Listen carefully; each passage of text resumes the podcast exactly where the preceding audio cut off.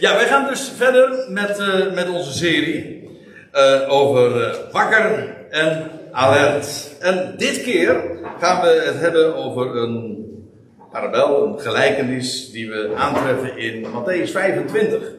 Maar even nog het geheugen opfrissend. Gisteravond, de eerste studie, toen hadden we het dus over de wegrukking.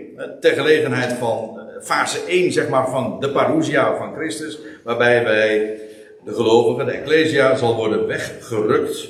En die dag, zegt Paulus dan in 1 Thessalonica 5, die zal ons niet overvallen als een dief. Uh, want uh, hoewel voor de wereld komt die dag als een dief, maar voor hen die op de hoogte zijn en die leven in het licht, die weten precies hoe laat het is.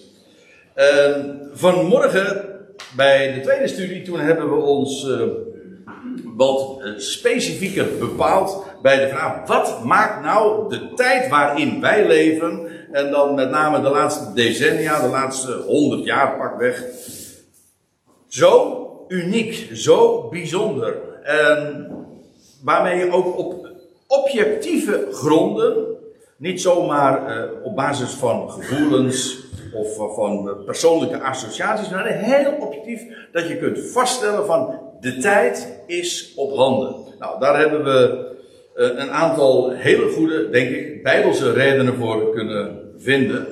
En waarbij we ook uh, met name aan het einde nog hebben gezien van, ja, wanneer begint voor ons nou eigenlijk het echte aftellen? En dat is wanneer men zal zeggen vrede, vrede, en wanneer daar een tempeldienst zal komen in Jeruzalem. En uh, de, de gelederen in het Midden-Oosten zullen worden gesloten. En daar inderdaad al onvrede zal zijn. Uh, schijnvrede, want uh, ze zal drastisch en plotseling beëindigd worden. Oké, nu deze derde studie gaat het niet over die tijd van die vlak, vlak voorafgaat aan de wegrukking, maar over de betekenis van waakzaamheid in de tijd na die wegrukking. Ik gebruik nog steeds die term die Paulus gebruikt in 1 Thessalonica 5. Per slotverrekening, we worden van deze aarde weggegrist. En ja, uh, maar in Matthäus 25 gaat het over, een, over een, de tijd die daarna zal aanbreken. En de gelijkenis dus, die hij is heel bekend, denk ik. En uh, zelfs op de zonderschool wordt hij dikwijls verteld, want hij laat zich ook heel gemakkelijk uh, vertellen van de vijf wijzen en de vijf dwaze maagden. Nou, laten we daar eens naartoe gaan. Ik moet er in de eerste plaats dit bij zeggen. Deze gelijkenis heeft de Jezus uitgesproken. Ter gelegenheid van de, ja, van de reden die hij ooit hield, vlak voor, een paar dagen voor zijn, voor zijn gevangenneming en zijn sterven. Het is de laatste week dus uh, van zijn leven hier op aarde. Dus in het jaar 30 waar we het eerder over hadden. Toen uh, heeft hij op de Olijfberg gezeten, gesproken over de dingen die aanstaande zouden zijn. Maar ook, uh, hij werd gevraagd over, ja, wat is het teken van uw komst, van de, van de komst van de Messias, maar ook van het einde van de Aion. En dan, gaat hij, dan steekt hij met recht van wal, hoor. En dan geeft hij antwoorden op die die vragen. En terwijl ze dan over de, de gebouwen van de tempel uh, en, over Jeruzalem dat, dat zicht hebben, dan vertelt hij daar, uh, dan vertelt hij die beroemde bergreden. Uh, men noemt het in het Engels heel vaak ook de, de second sermon of the mount. Hè? De, de, tweede bergrede, zoals Matthäus 5 tot 7 de eerste bergrede is. Trouwens op een andere locatie was dat maar ook weer op een berg. En een berg heeft altijd in de Bijbel is symboliek ook met te maken met een koninkrijk. En al als in Matthäus 25 gesproken wordt en die gelijkenis aanvangt, dan staat er: dan zal het koninkrijk der hemelen, dat is niet het koninkrijk in de hemelen, maar dat is het koninkrijk, het hemels koninkrijk, dat zijn oorsprong heeft in de hemel en dat zal neerdalen op de aarde. Zoals Daniel er ook over spreekt, over die berg, over die steen die van die berg afrolde. En alle menselijke koninkrijken teniet zal doen. En dan zal het koninkrijk, een koninkrijk vanuit de hemel op aarde worden gevestigd. En dan zegt de Heer Jezus dit. Dan zal het koninkrijk van de hemelen vergeleken worden met. Let op, dit is dus heel specifiek uh, in de tijd geplaatst. Hij zegt, dit is niet, zo wordt het meestal uitgelegd, voor zover het al uitgelegd wordt, dan, dan zegt men van ja, uh, heeft men het heel breed getrokken, zelfs in termen van hemel en hel, wat er al helemaal niks mee te maken heeft. Maar de Jezus zegt, dan, dus in die tijd, namelijk waar ik het zojuist over had, Eigenlijk sluit het ook direct aan. Matthäus 24, 25. Je vindt niet eens. Ja, we hebben in onze hoofdstukindeling hebben we een onderscheid gemaakt. Maar als je eventjes die, die hoofdstukindelingen en die versindelingen, die prima zijn, maar uitsluitend gebruikersgemak. Maar uitlegkundig hebben, hebben ze geen enkele invloed. Dus Matthäus 25 sluit gewoon direct aan op Matthäus 24. En dan zegt hij, eh, dan, in die tijd, waar ik het zojuist over had, dan zal het koninkrijk van de hemelen vergeleken worden met. En hij had het dus zojuist gehad over, over de grote verdrukking die over Israël zou komen. En dan zegt hij, wie dan in Judea zijn, die, die, die zouden vluchten, et cetera. En hij, hij spreekt ook over het einde van die grote verdrukking. Namelijk als de Messias zal komen, als de Ben-Adam zal verschijnen en, en de, het uitverkoren volk zal verzamelen van alle einden des, uh, van de einden der, van de hemelen en zal brengen in het land.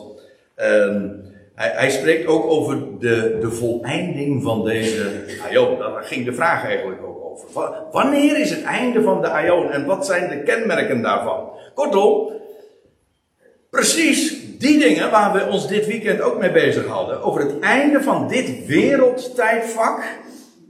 En dat God gaat ingrijpen en een, een hele nieuw wereldtijdperk gaat aanbreken. Waarin de Messias uh, zal uh, orde op zaken zal stellen vanuit Israël en over de volkerenwereld, et cetera. Maar dat is de voleinding van deze eion. Over die tijd, daar ging het over. En dan zegt de Jezus, dan, in die tijd, zal het koninkrijk van de hemelen vergeleken worden. Dus ga nou niet zeggen van deze gelijkenis heeft betrekking op onze tijd. Waarmee ik overigens niet zeg dat we daar niks van kunnen leren. Dus we zijn niet voor niks vanavond bij elkaar om juist deze, dit gedeelte te lezen. Dus het is niet zo dat we het gering schatten of dat we er geen waarde aan toekennen. Nee, het gaat er alleen om. Deze gelijkenis wordt actueel. Deze vergelijking gaat pas in en wordt van kracht in die tijd waar ik zojuist over sprak, uitgebreid. Dan zal het koninkrijk van de hemelen vergeleken worden. En dan zegt hij met tien maagden die hun fakkels namen en uitgingen tot ontmoeting van de bruidegom. Eerst even dit, die, die tien maagden. Dat zijn, uh, ja, dat zijn de bruidsmeisjes uh, die, de, die de bruid begeleiden. Dat is ook het oorspronkelijke idee van bruidsmeisjes. Ze zijn uh, hier ook. Het, het, eigenaardige is trouwens dat de bruid in deze hele gelijkenis niet eens genoemd wordt. Wel de bruidegom, de bruidsmeisjes ook, maar die bruidsmeisjes die uh, representeren eigenlijk ook min of meer de bruid. Uh, die bevinden zich ook in het huis van de bruid. En die begeleiden, ja, daar zijn bruidsmeisjes ook voor. Trouwens ook bij ons nog, weet je wel, om de, om, om de bruid te helpen, te assisteren bij, bij het zich verplaatsen, et cetera, met de de bruidsjapon, et. Maar in ieder geval inderdaad ter, ter assistentie van de bruid, maar ook om de bruid te begeleiden. Hoe dan ook, uh, deze tien maagden die, uh, die worden hier zo genoemd, worden opgevoerd, niet de bruid. Dat is trouwens ook wel opmerkelijk. Kijk, het gaat hier niet over Israël als natie. Kijk, in de Bijbelse symboliek is Israël altijd de bruid. Dit, wat ik nu zeg, zo even kortweg als een vanzelfsprekendheid, is het lang niet altijd. En uh, voor veruit de meeste christenen in ieder geval niet. Want die spreken dan over de bruidskerk. Wat in de Bijbel uh, totaal geen grond vindt. De, de bruid in de Bijbel, kijk het maar na in, in, in het Oude Testament. Dat is volstrekt helder. Dat is Israël.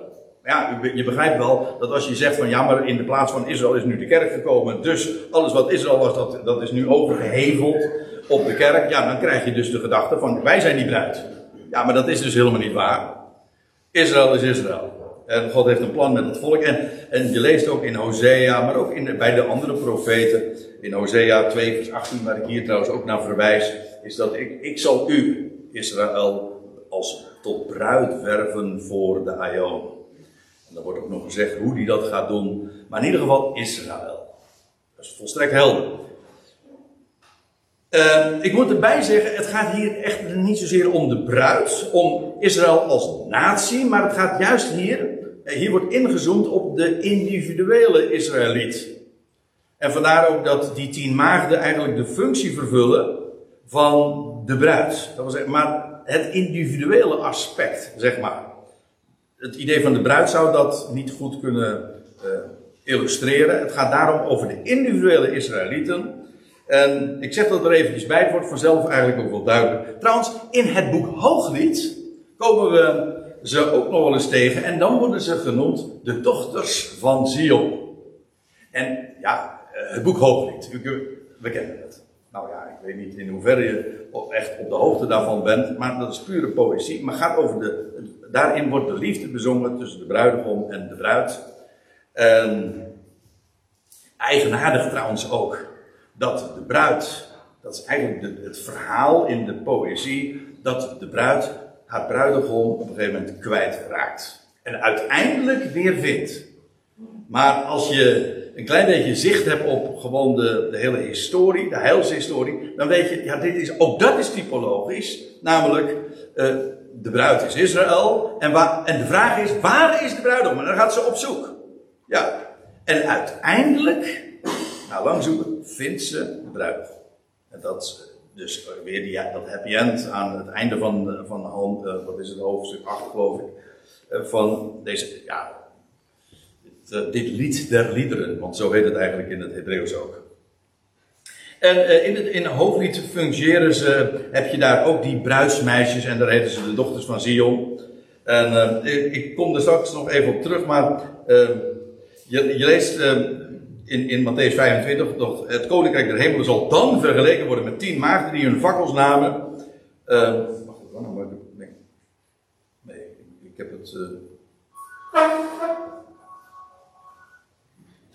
Ja, eh, ik, ik heb een verkeerde dia, had ik eventjes voor me. Ik, ik, ga nog even terug naar die, die dochter van Sion. Die tekst wilde ik er toch nog even uitlichten. Want dan lees je in Hooglied 3 van, ga, ik, ik kom er straks ook nog even via een andere aanvliegroute nog even op terug. Maar er staat, ga uit, dochters van Zion, aanschouwt koning Salomo met de kroon waarmee zijn moeder hem kroonde op de dag van zijn bruiloft. De dag van de vreugde zijn harten. Dan weet je trouwens ook meteen wie de bruidegom is.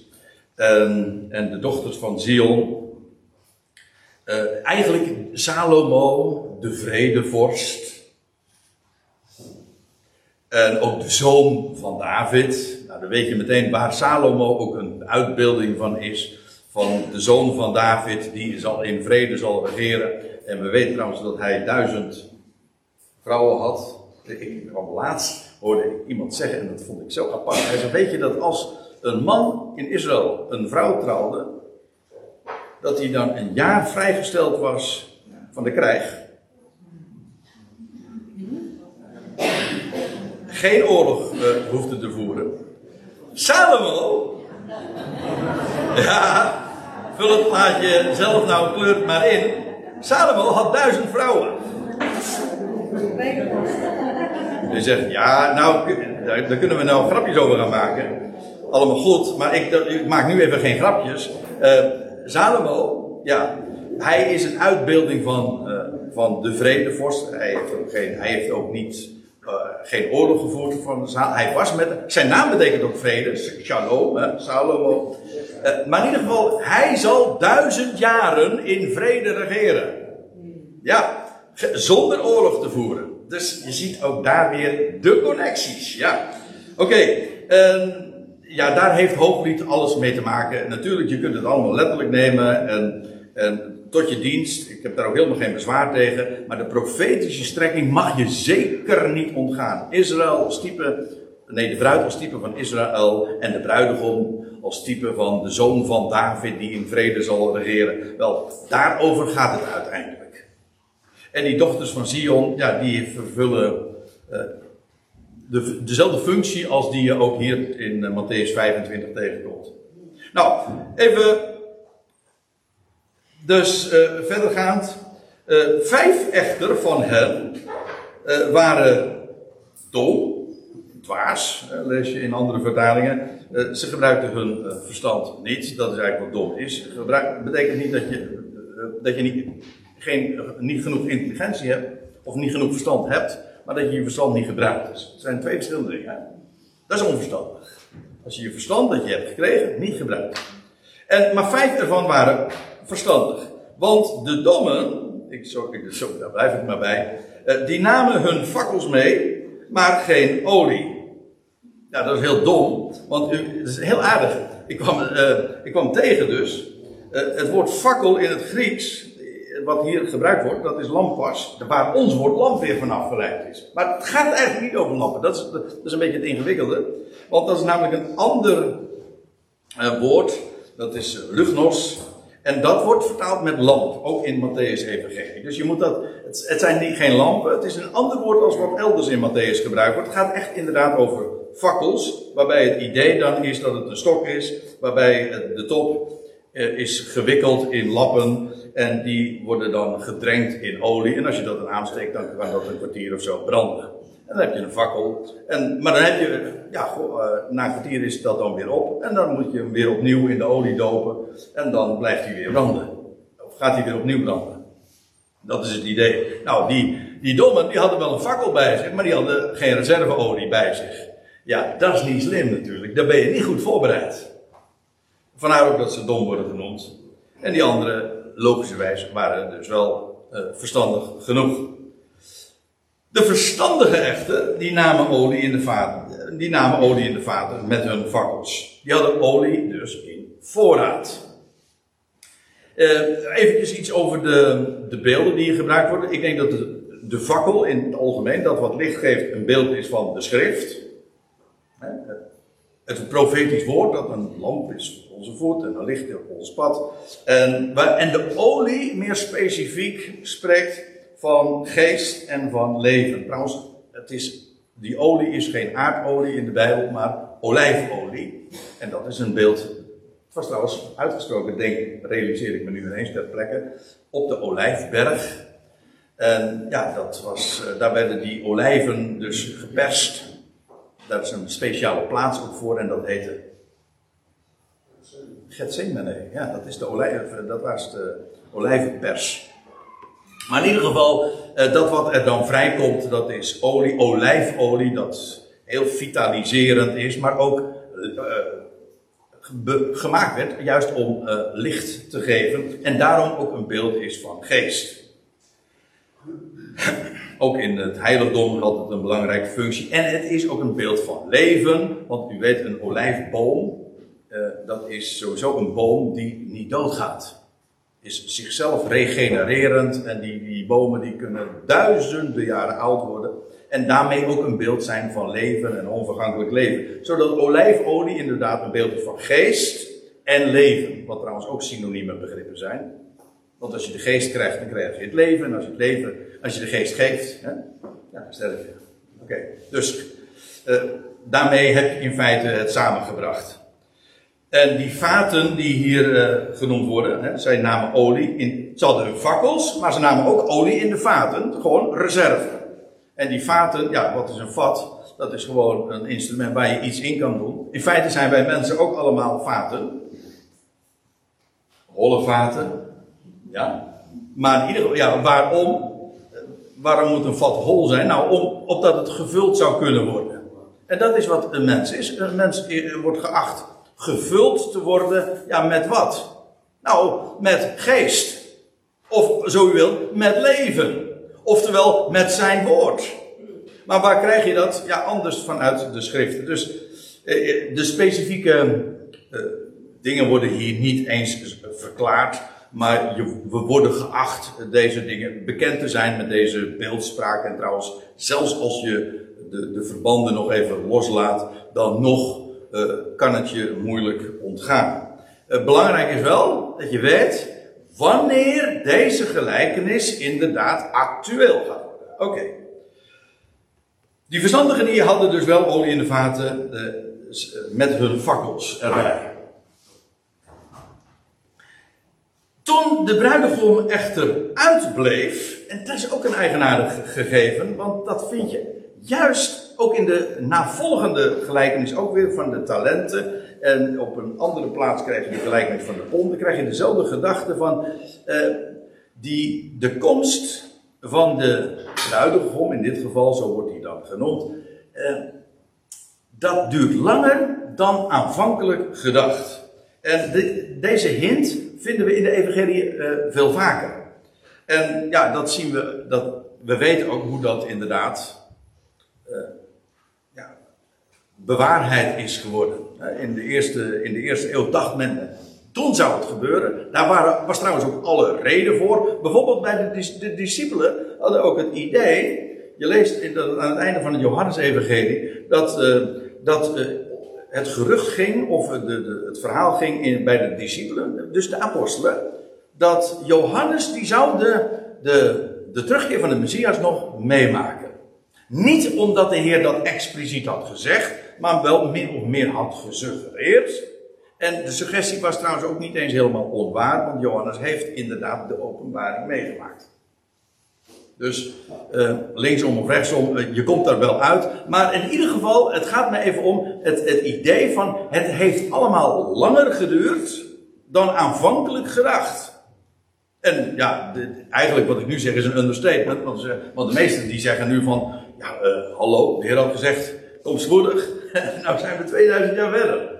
Ja, dat hangt. En dan zegt Petrus, ja, maar wacht eventjes. Uh, die voorzegt dat al. Dan, dan praten we over.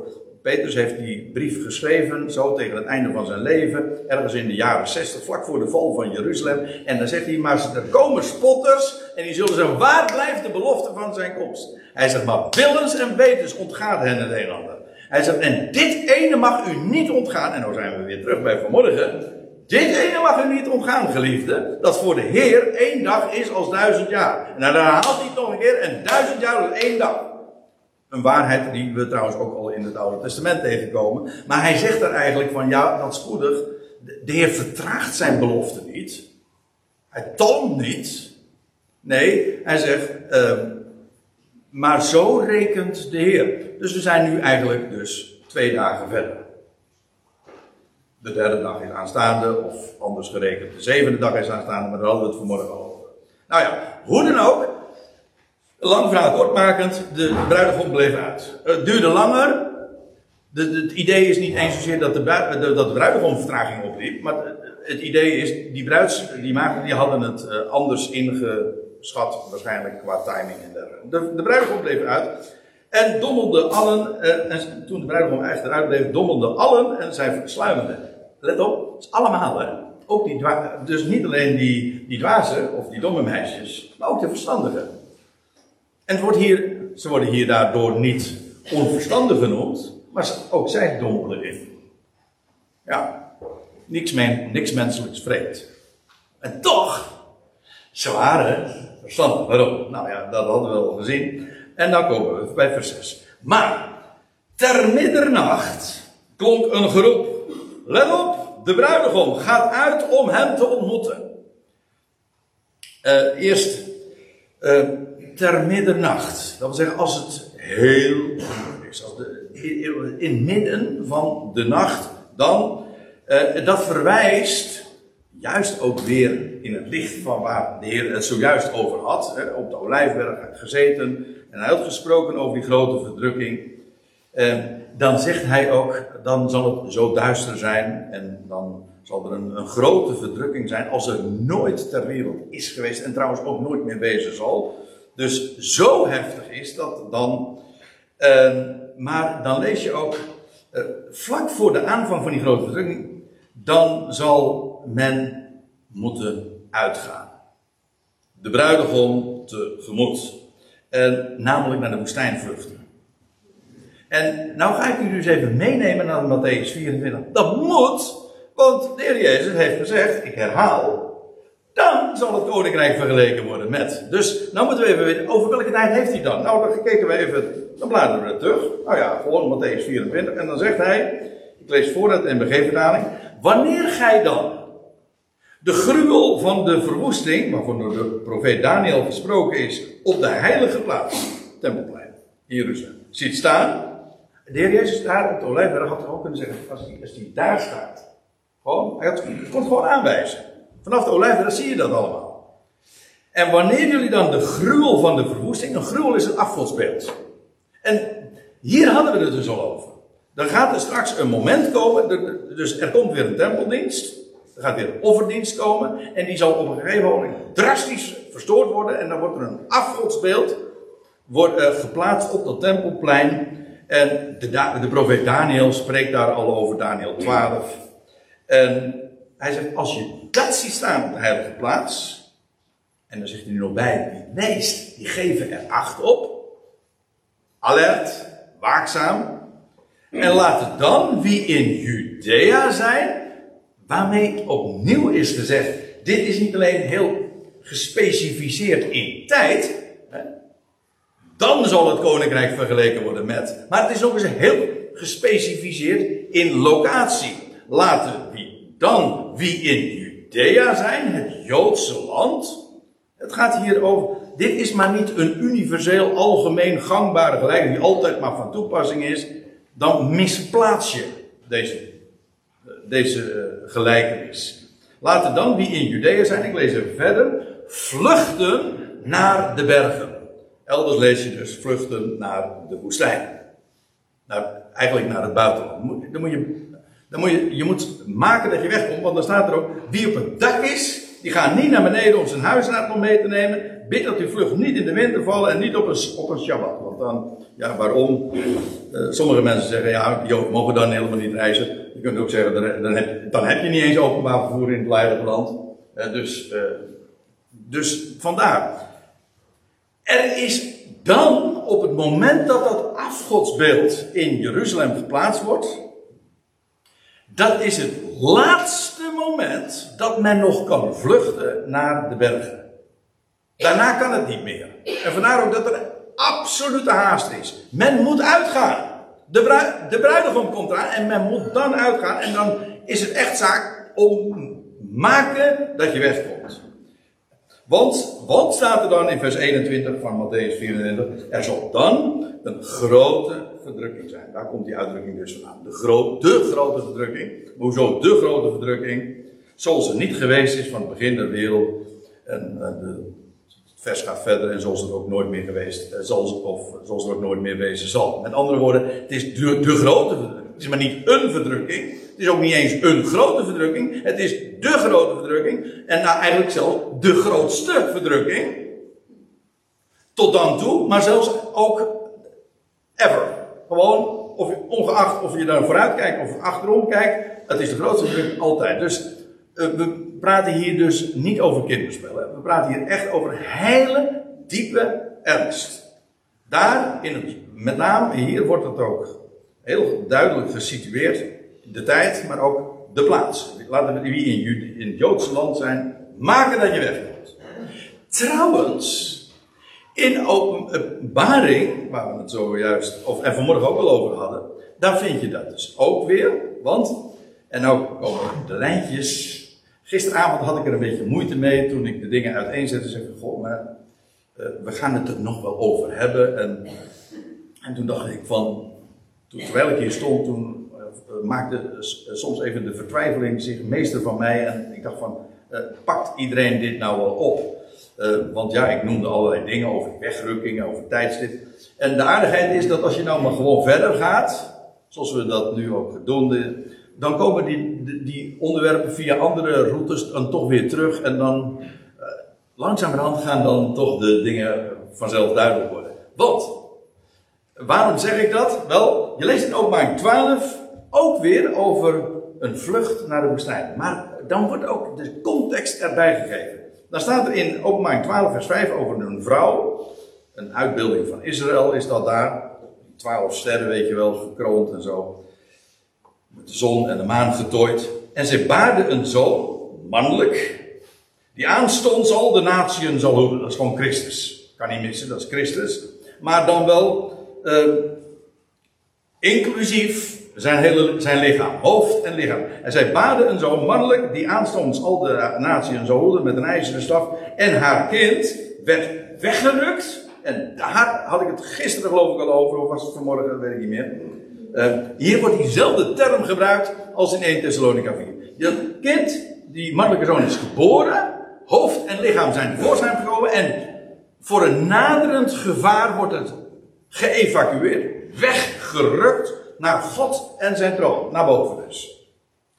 En dan staat er, en de vrouw, terwijl dus die mannelijke zoon in veiligheid gebracht is, boven, bij God en zijn troon, de vrouw die vluchtte de woestijn in, waar zij ook een plaats heeft gereed gemaakt van Gods wegen, opdat zij haar daar zouden voeden 1260 dagen. En hier heb je weer die periode waar we het al eerder over hadden, die hier genoemd wordt in dagentermen, in termen van dagen, 1260 stuks. Of in periode van maanden is het 2,5, 42 maanden. En je kunt ook zeggen in termen van jaren, tijden, tijd, tijd, tijden en een halve tijd. 3,5 jaar. Uh, er zijn zelfs nog meer omschrijvingen, maar dat is genoeg. Het moet genoeg zijn. Uh, die periode, drie jaar en zes maanden, die, die grote verdrukking, tijdens die grote verdrukking, zal, is, zal een, deel dat eh, tijdig gevlucht is vanwege de grote verdrukking, vanwege dat afgodsbeeld dat er daar op het tempelplein van Jeruzalem wordt gezet, dan moet men maken dat men wegkomt en dan vlucht men naar de woestijn op een speciale gereserveerde plaats. Ik vermoed dat dat in Petra zal zijn, daar heb ik zo wel mijn redenen voor, maar doet nu even niet de zaken. Het is in ieder geval een, een, een, het is een plaats van God, er staat er ook bij, waar zij een plaats heeft, gereed gemaakt van Gods wegen. Dus alles ligt daar gewoon klaar en daar kan ze, uh, daar vindt ze een schouwplaats. En daar wordt, en daar wordt ze gevoed. Misschien met fakkels, of met fakkels, met fakkels, ja.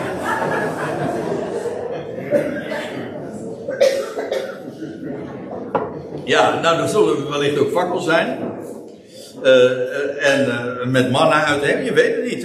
ik bedoel, God heeft het volk wel vaker in de woestijn gevoed en, en bewaakt en beschermd. Want vergis je niet, dat volk wat daar in die schuilplaats is, in de schuilplaats van de Allerhoogste, daar zullen ze absolute bescherming genieten. En daar, terwijl vijandelijke machten, je leest ook dat openbaring 12, het op haar gemunt hebben, ze is onaantastbaar.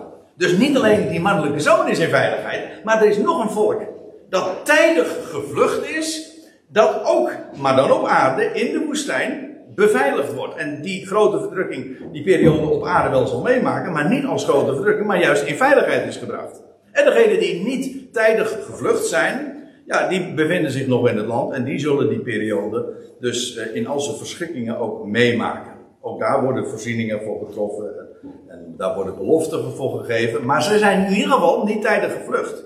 Ziet u nu ook dat als, als hier dan staat, en nou uh, in vers 6. Ter middernacht, toen klonk een geroep. Let op, de bruidegom. Ga eruit. Hoezo ga uit? Nou, dat heeft alles te maken met wat de Heer zojuist had gezegd. Van dat, je, dat ze moeten vluchten op een bepaald tijdstip. En dan komt het erop aan. Ja, als je dan geprepareerd bent. En weet. Uh, ah, wacht even. Nu moeten we daar wezen. Dan kun je inderdaad nog uh, maken de, uh, dat je weg moet. Dan kun je vluchten. En dan komt het er uh, helemaal op aan. En dan, ik lees verder in vers 7. Toen werden, de, toen werden alle maagden gewekt. Want ja, dat is nog wel duidelijk.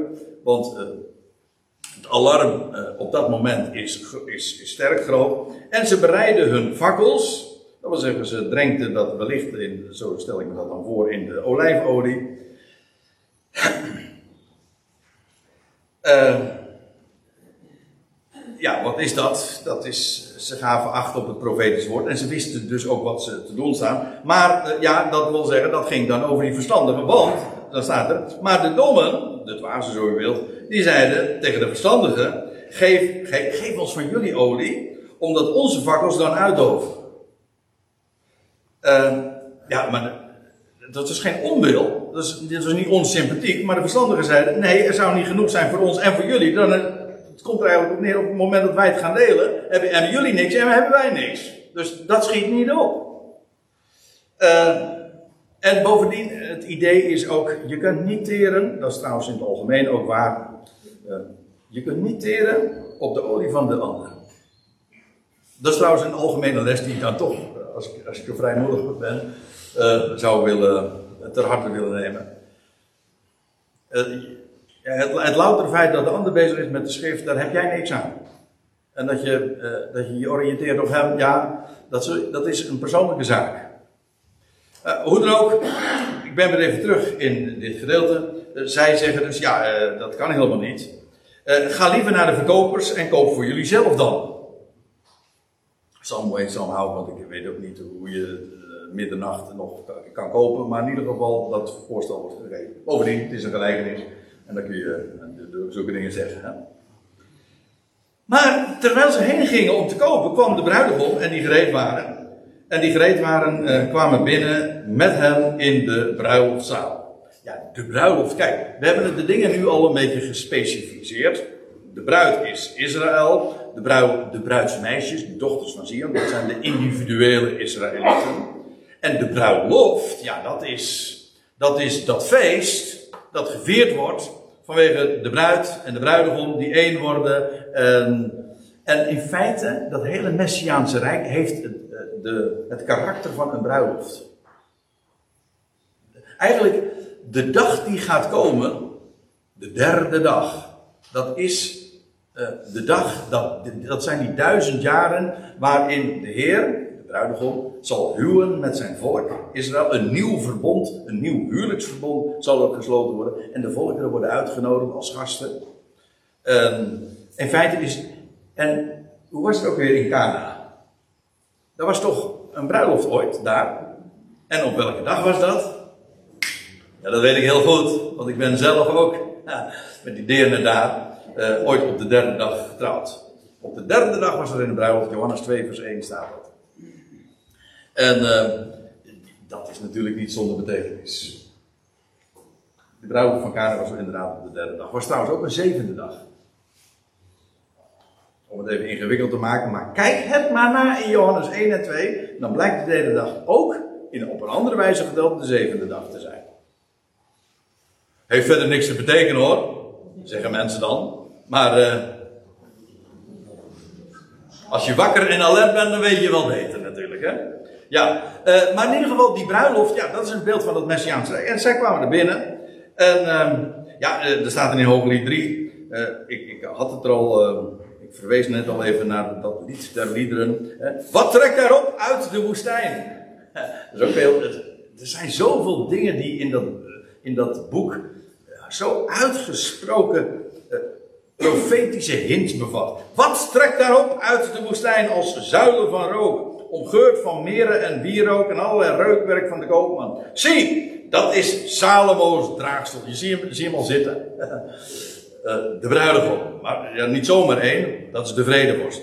De zoon van David, Salomo. Omringd door 60 helden de helden van Israël. Ga uit, dochters van Zion, aanschouwt koning Salomo. De dag van zijn bruiloft, de dag van de vreugde zijn harten. Maar daar had ik het zojuist al even over. Maar in ieder geval, dat is het idee. En dan dus vanuit de woestijn zal. Uh, ja, dat is een heel. Goh, hoe, zeg ik dat nou even kort? Die bruid, uh, die vrouw wordt daar dus die 1260 dagen bewaard. In veiligheid gebracht.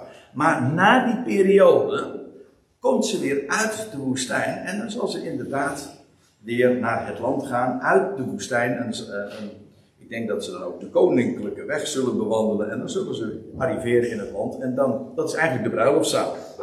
Dat is de dag, dat is eh, ook het, eh, de, de, de echtelijke woning, zal ik maar zeggen. En eh, men zal vanuit de woestijn weer optrekken naar het land. Zie je, het, is heel, het zijn hele concrete dingen. Ik kan me voorstellen dat als je het nou allemaal niet helemaal in, in kaart hebt en, en visualiseren kunt, uh, dat het een beetje lastig is. Maar ik hoop wel dat u in ieder geval begrijpt dat dit gaat over hele concrete dingen. Over, over, over Israël, over Judea, over Jeruzalem in de woestijn. Wordt daar een volk bewaard. En drieënhalf jaar krijgen ze daar voeding. En worden ze, eh, hebben ze, vinden ze daar een schuilplaats. En daar zullen ze er weer uitkomen. Dan komen ze uit de woestijn. En dan gaan ze uiteindelijk plaatsmaken daar in Jeruzalem. Want daar hoort Salomo te regeren. Nou, daar gaat het allemaal over. Maar dan, komt het er wel op aan dat je tijdig ook uh, de vlucht hebt genomen.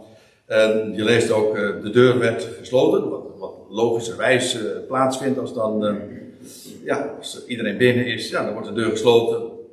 Daarna echter kwamen ook de overige maagden en zeiden, Heer, doe ons open. En hij antwoordde en zei, Amen, of voorwaar, ik zeg jullie, ik weet niet van jullie. jullie zijn mij vreemd. En het hele idee is, zij, zij beërven, zij gaan niet die bruiloft in.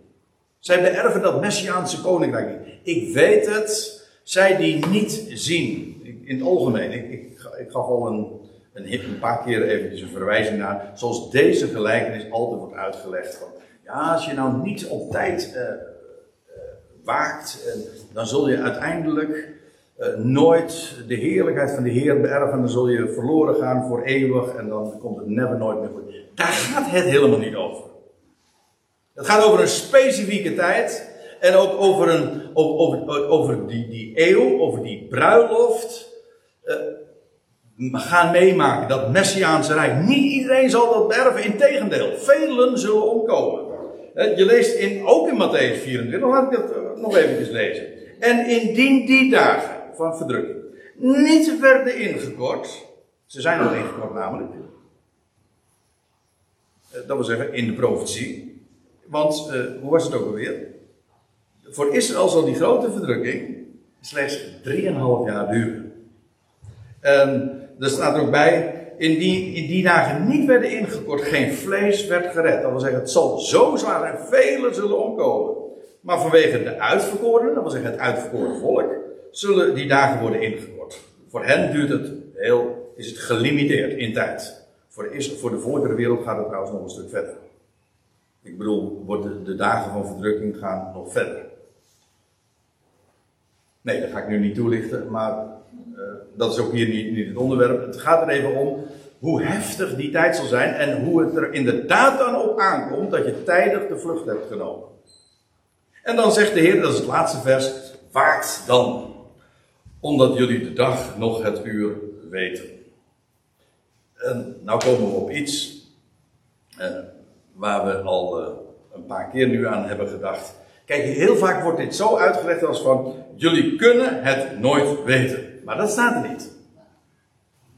Nee, hij, hij stelt gewoon vast, jullie, uh, jullie weten het niet. Maar in feite, dat idee van waken, zorg, dat je op de hoogte bent. Zorg dat je het weet. Zorg dat je alert bent. En nou, dat is echt de gedachte. Want ga maar, ga maar even met me mee. Weer eventjes naar Matthäus 24. Ja, ik kan niet nalaten om iedere keer naar terug te grijpen. Want ja, daarover gaat het, over die tijd. Maar in Matthäus 24, dan lees je dus dit. Had de Heer eigenlijk nog een andere gelijkenis verteld. Maar weet dit. Als de Heer van het huis geweten had in welke nachtwaken de dief zou komen, hij zou gewaakt hebben. En in zijn huis niet hebben laten inbreken. Daarom, wees ook gij bereid, want op een uur dat je het niet verwacht, komt de zoon des mensen. Maar lees nou even heel goed wat hier staat. Als de heer van het huis geweten zou hebben in welke nachtwaken de dief zou komen, dan zou hij waken. Dus waar het om gaat, is dat je in ieder geval de nachtwaken kent.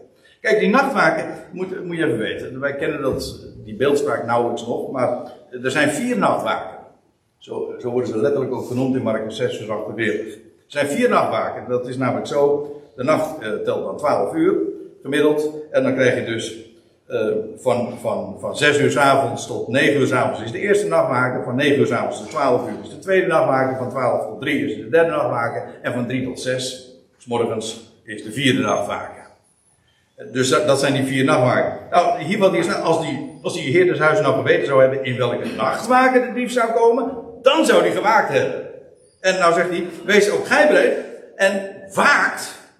Want op een uur dat je het niet verwacht, komt de zon des mensen. Het idee is, je weet misschien het uur niet, maar de nachtwaken, de, het tijdsframe, ja, dat zou je wel weten. En als je dat weet, dan waak je ook. Dat is wat er staat.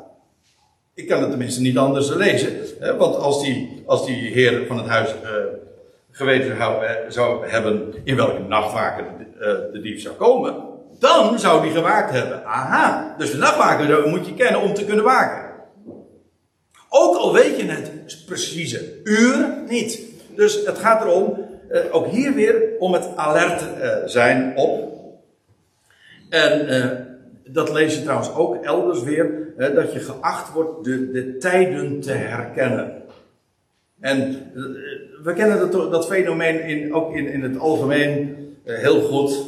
Ook al weet je niet precies wanneer iets aanbreekt. Onze dochter is uh, een maand of wat terug is, bevallen. En ja, goh, hoe gaat dat dan? dan heb je de uitgerekende datum.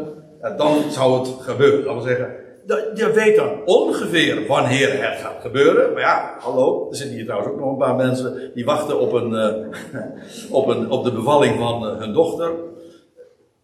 Ja, ja. Ja, zo'n soort. Nee, waarom? Ja, uh, maar ja, ze al, al een week inmiddels over tijd. Ja, dat kan gewoon wel gebeuren. maar je weet in ieder geval, het zal niet over drie maanden zijn. Nee, dat, en, en daar word je geacht, ook al weet je niet specifiek de de ins en outs, ook qua timing niet, dan nog, wees wakker. En dat is eigenlijk ook de hele algemene boodschap van dit hele weekend. Uh, waakzaam is degene die in ieder geval zich bewust is van wat er gaat komen en ook van de tijden en gelegenheden. Ja, en dat is dus uh, de hele strekking ook uh, in, in deze gelijkenis. Ik wilde trouwens ook nog even dit bij zeggen. Gisteravond toen vertelde ik, als het gaat om de Ecclesia vandaag, het is buitengewoon belangrijk om van de dag te zijn en in het licht te wandelen en om waakzaam te zijn. Paulus wijst daar ook op, maar hij geeft daar ook de bemoediging. Als je geroepen bent door het evangelie. En dat evangelie van, ja, zoals hij dat heeft mogen herauten onder de natie, als je dat kent en als dat hier in je hart terechtgekomen is, Of je nou slaapt, of sluimert, of waakt, je gaat de Heer tegemoet. Je bent erbij. Dat kan niet missen. Dat is ook goed nieuws. Het is geen aanbeveling om slaperig te zijn, begrijp je God? Dat hoef ik toch niet uit te leggen. Dit hele weekend gaat over wakker en alert zijn. Trouwens, ik wil nog even één ding zeggen. Nog, mag het nog even? Ja, ik neem gewoon even de tijd nog. Uh, ik werd zojuist op gewezen bij de koffie. En ik ben erg blij daarom. Ik, vind namelijk, ik ben gek op etymologie en woordoorsprong en zo. En die zei, weet je dat het woordje alert, uh, dat het eigenlijk uit, uh, via het Frans uit het Italiaans komt. En dat betekent letterlijk, nou hoe het precies zat, weet ik nou even niet meer. Ik zag het wel in het etymologisch woordenboek staan. Maar het betekent in ieder geval op de heuvel zich bevinden. Ook weer op de hoogte zijn. Dus alert betekent dus via via, etymologisch, dus heeft te maken met de gedachte dat je op de hoogte bent en dat je dus zicht en overzicht en uitzicht hebt. Kijk, hoe belangrijk is dat? Nou, voor ons is het in ieder geval niet zo dat als je sluimert, dat je uh, daarmee dus de boot zou missen en dat je hem niet tegemoet gaat. Nee. Voor straks is het wel zo en dat is het verschil met die tijd van de grote verdrukking. Dat je echt waakzaam bent. Want dan komt het erop aan. Niet omdat je anders voor eeuwig verloren gaat of naar de hel gaat. Want dat kent de Bijbel helemaal niet. Zo bedoel ik het niet. Maar het is wel belang, van belang dan om alert te zijn en waakzaam. Waarom? Want je zou zomaar te laat zijn en niet de vlucht hebben genomen en uitgegaan zijn de bergen in. En ja, dan zul je inderdaad een vreselijke tijd nog gaan meemaken. Dus dat is dan geen. Dat komt er dan inderdaad op aan. Dat is, dat is een heel andere uh, setting, een heel andere tijd. Dus die dingen moeten we gewoon onderscheiden. Anders gooi je de dingen op één hoop en dan versta je het niet meer. Dan zal het koninkrijk vergeleken met deze worden, met deze dingen. En uh, ja, ik ben ontzettend blij met het feit dat we ja, dat de schriften zo mag onderscheiden. Weet wat voor Israël is, weet wat voor ons is. En uh, dat, uh, dat geeft een enorm uh, zicht. En dat helpt je ook juist om wakker en alert te wezen. Waarvan akte? Lieve mensen, ik stel voor dat we nog een, een lied gaan zingen.